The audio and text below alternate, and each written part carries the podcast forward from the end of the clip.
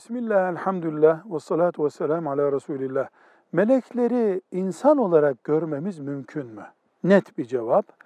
Peygamberlerin dışında hiç kimse melekleri yaratıldığı şekilde göremez, gördüğünü iddia edemez.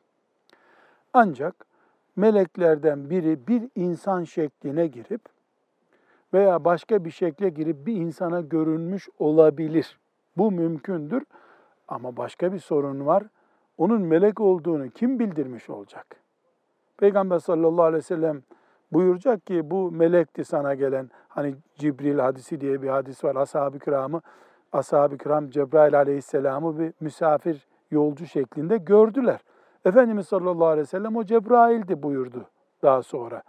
Bunun dışında insanın yani melek dışında bir şekil almış hali dışında insanın melek görmesi mümkün değil. Peygamberler istisna. Velhamdülillahi Rabbil Alemin.